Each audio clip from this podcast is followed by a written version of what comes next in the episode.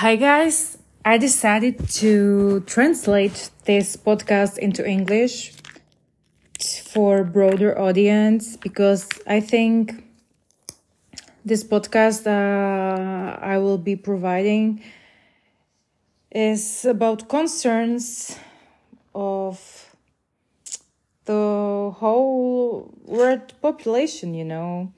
So this podcast will be this is an introduction and um, this podcast serves as a base for my future book which I'm planning to to write. I have it on my mind for past 5 years maybe. And I would like to structure my thoughts uh, about uh, each each capital, each episode. And so the book will be actually autobiographic.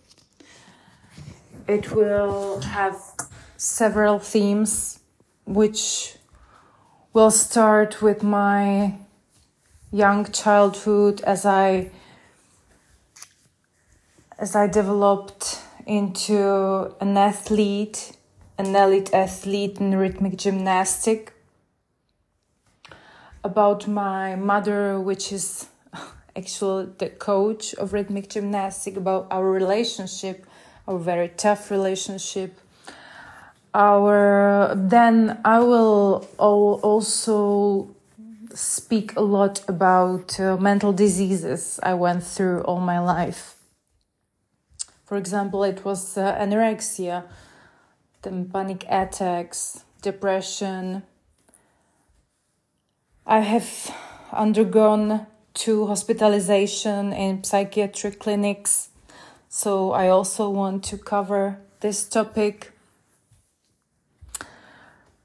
Another topic will be also modeling uh, how I felt like in prison my whole life but the end of the book will be definitely positive because as at the moment it has been one year since I'm since I feel very free, calm, and I'm doing all my decisions just based on my heart.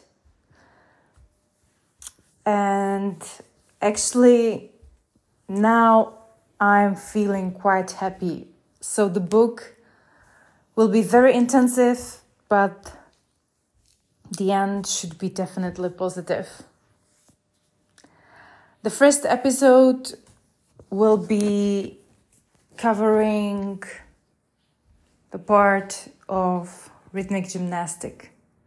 So stay tuned and thank you for listening.